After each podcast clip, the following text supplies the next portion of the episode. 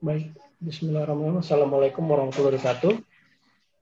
Jadi uh, saya di sini akan menjelaskan sedikit tentang participation report ya.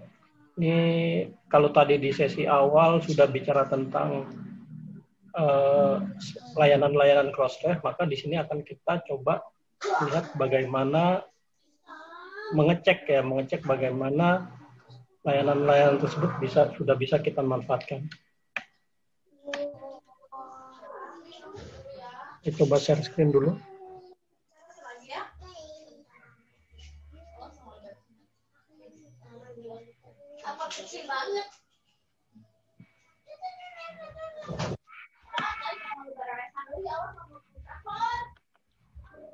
Ya, sudah tampil ya? Sudah Pak, sudah tampil. Baik. Ada Baik, metadata uh, ini ya? Iya. Jadi saya tidak terlalu banyak menyiapkan materi karena nanti kita coba langsung demokan saja. Uh, tadi sudah di awal oleh Pak Tamzin sudah disebutkan tentang metadata bahwa metadata di Crisp itu harus update, kemudian lagi? Update, akurat, ya, kemudian lengkap, komplit. Uh, nah, apa sih metadata ini? Nah, ketika Bapak Ibu pengelola jurnal menarik data XML untuk diaktifasikan DOI-nya. Nah, DOI itu sebenarnya berisi seperangkat data, ya. Seperti tadi Pak Tanzil bilang, ada yang sifatnya basic ya, ada nomor ISSN, ada judul, abstrak itu basic. Kemudian sampai yang sifatnya advance, mungkin sampai funder ID dan sebagainya. Nah, sebisa mungkin kalau kita karena eranya sudah online, ini kita harus buat selengkap mungkin ya, selengkap dan sekomplit mungkin serta konsisten. Nah, karena ini nanti untuk apa? Metadata ini yang kemudian disetorkan oleh Bapak Ibu ke Crossref, ini untuk mendukung tadi terciptanya ekosistem riset yang mumpuni. Jadi kita bisa uh, menciptakan ekosistem riset yang saling terkait antara satu sama lain ya. Ini, makanya penggunaan metadata ini nggak cuma hanya sekedar doi saja, tapi itu bisa digunakan untuk proses-proses kolaborasi, kemudian membuat metrik ya layanan dan sebagainya. Nah kalau participation report ini masuknya untuk pengukuran dan report ya, issue report and apply matrix. Nah ini kita dapat uh, melihat seberapa baik sih metadata dari artikel-artikel yang doi-nya kita setor ke Crossref. Bapak Ibu bisa masuk ke tautan ini ya, Crossref ORG members participation report period. Nah, tampilannya seperti ini. Nah, ini tampilannya seperti ini. Yang perlu Bapak Ibu lakukan adalah mengetik nama publishernya. Berarti nama kampusnya ya, bukan nama jurnalnya. Ya, misalkan saya contoh di sini karena jadi kalau di sini mencari nama kampusnya kita ketikkan saja nama kampus kita. Saya ambil contoh kampus saya sendiri misalnya. Nah, nah ini akan nanti muncul otomatis drop down. Nah, kita tinggal pilih. Nggak bisa kita ketik terus enter itu nggak muncul biasanya. Jadi sampai tunggu muncul. Nah, tampilan reportnya seperti ini. Di kanan atas sebelah atas itu ada nama publishernya. Ya, kebetulan saya di sini atas nama Fakultas Sains dan Teknologi UINSA ya total register content item. Jadi sampai saat ini sudah ada 160 doi yang terdaftar atas nama publisher ini, atas nama publisher Fakultas Sains dan Teknologi Winsa. Ada 10 elemen metadata yang kemudian akan diperiksa atau akan ditampilkan datanya, ya. Mulai dari reference, open reference, ORCID ID, funder registry ID, funding hours number, crossmark enable, uh, text mining URL, license URL, similarity check URLs, sampai abstrak. Kita coba lihat satu-satu. Ya.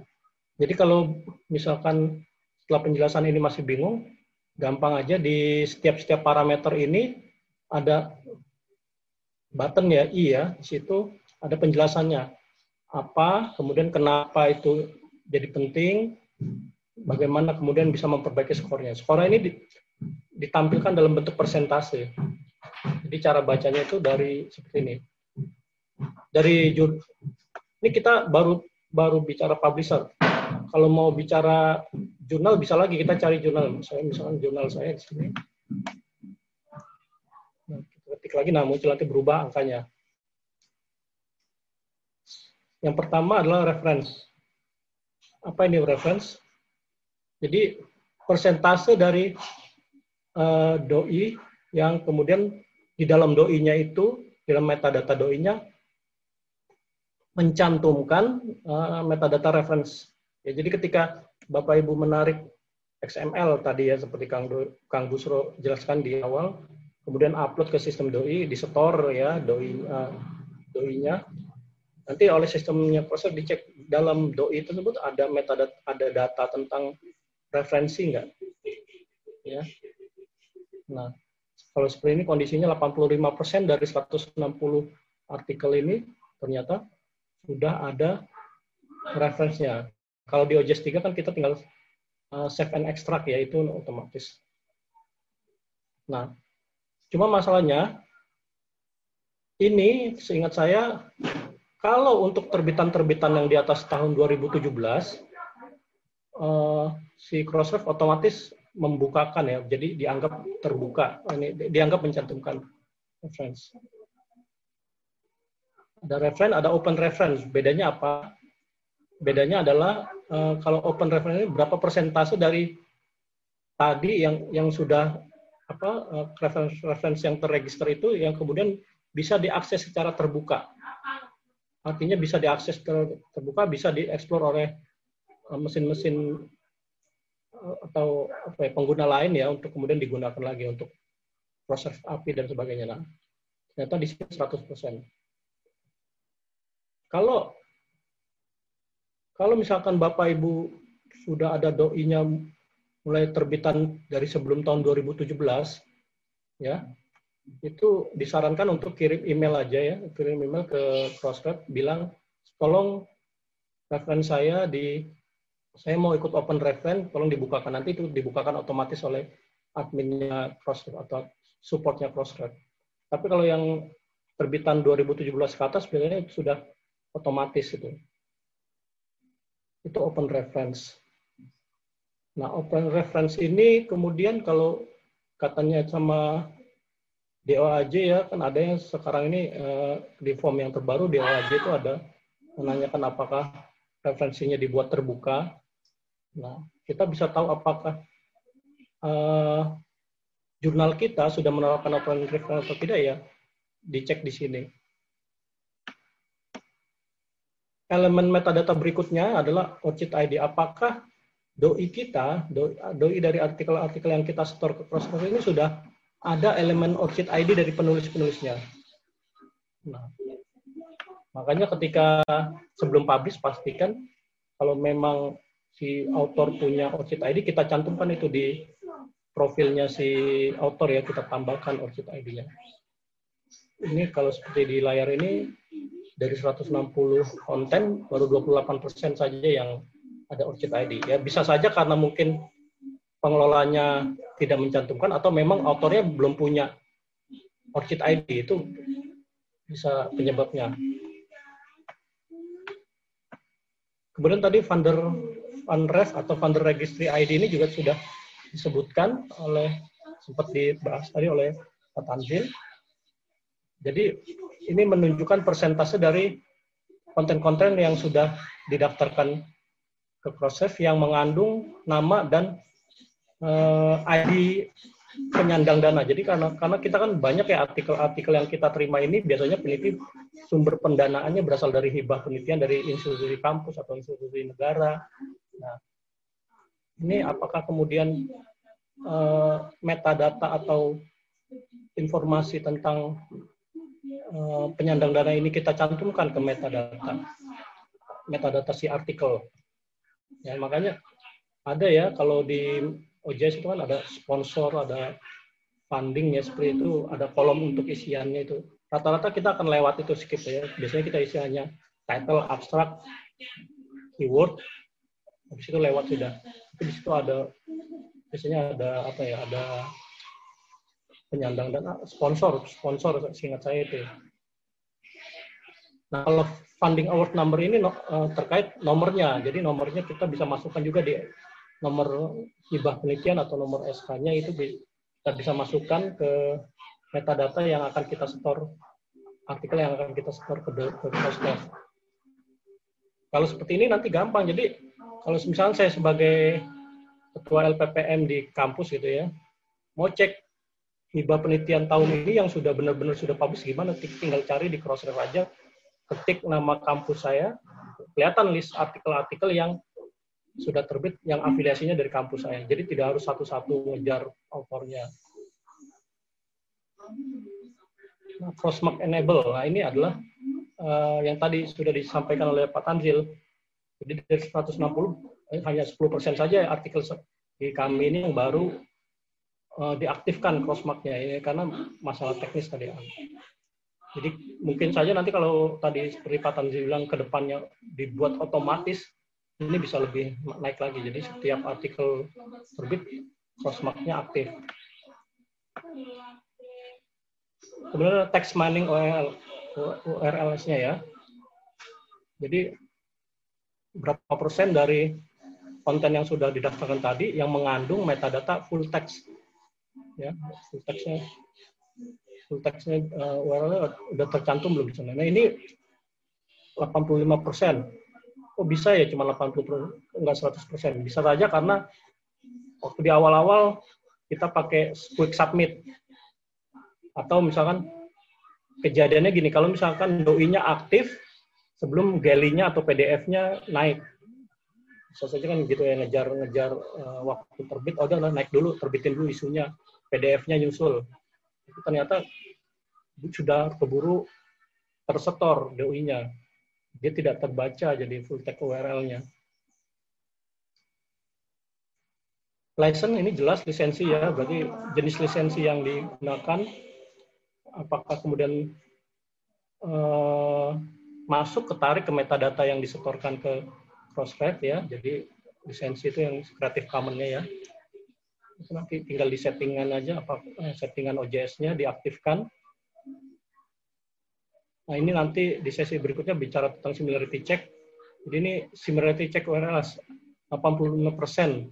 Jadi 85 persen artikel kami itu sudah bisa dideteksi oleh mesinnya si mesinnya Ticket ya untuk kemudian dijadikan basis data ketika melakukan pengecekan similarity.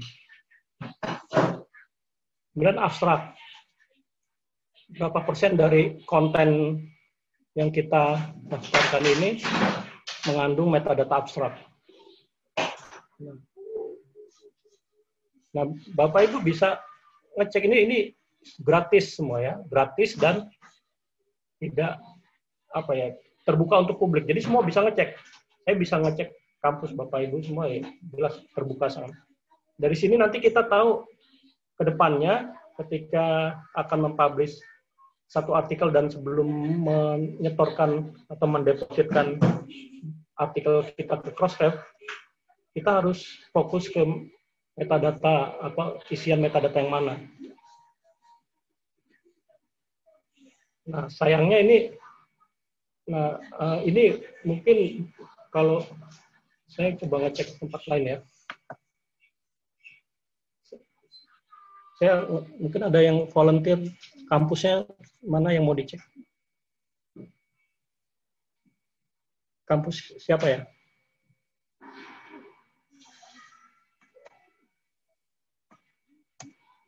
Kampus Kang Busro mungkin ya. Coba ya Sunan Gunung nah, luar biasa nih ada 1634 konten yang sudah diregistrasikan di Win Bandung Kang Busro ya tapi referensinya itu masih nol, open reference-nya masih nol, ya.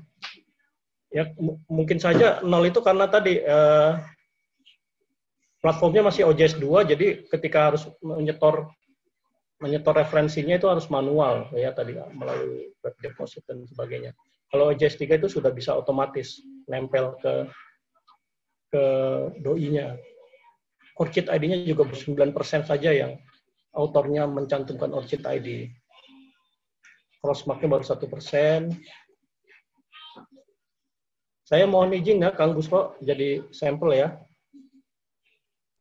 Silakan Pak, diizinkan. Nah, tapi itu tadi kampusnya ya, prefeknya ya. Tapi ketika saya masuk ke jurnalnya, jurnalnya Kang Gusro Wawasan, nah angkanya lebih membaik. Orchid ID-nya 5%, crossmark-nya malah 37%, cukup tinggi ya. Nah, kalau kampusnya capaiannya masih rendah, berarti tidak semua jurnal di dalam kampus tersebut menerapkan praktik baik atau good practice dari metadata ini. Jadi harus bareng nih dalam satu prefix itu sufik-sufik di bawahnya harus harus mempraktekkan ini gitu ya.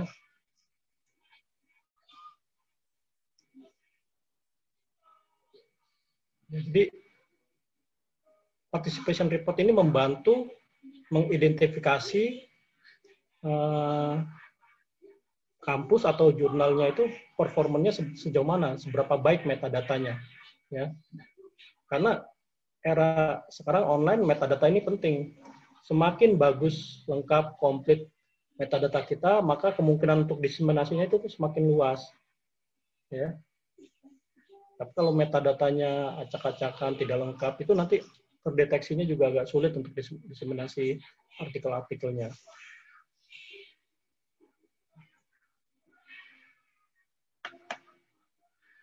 Menurut saya, saya itu aja, Bu moderator, ya, Bu Lideno.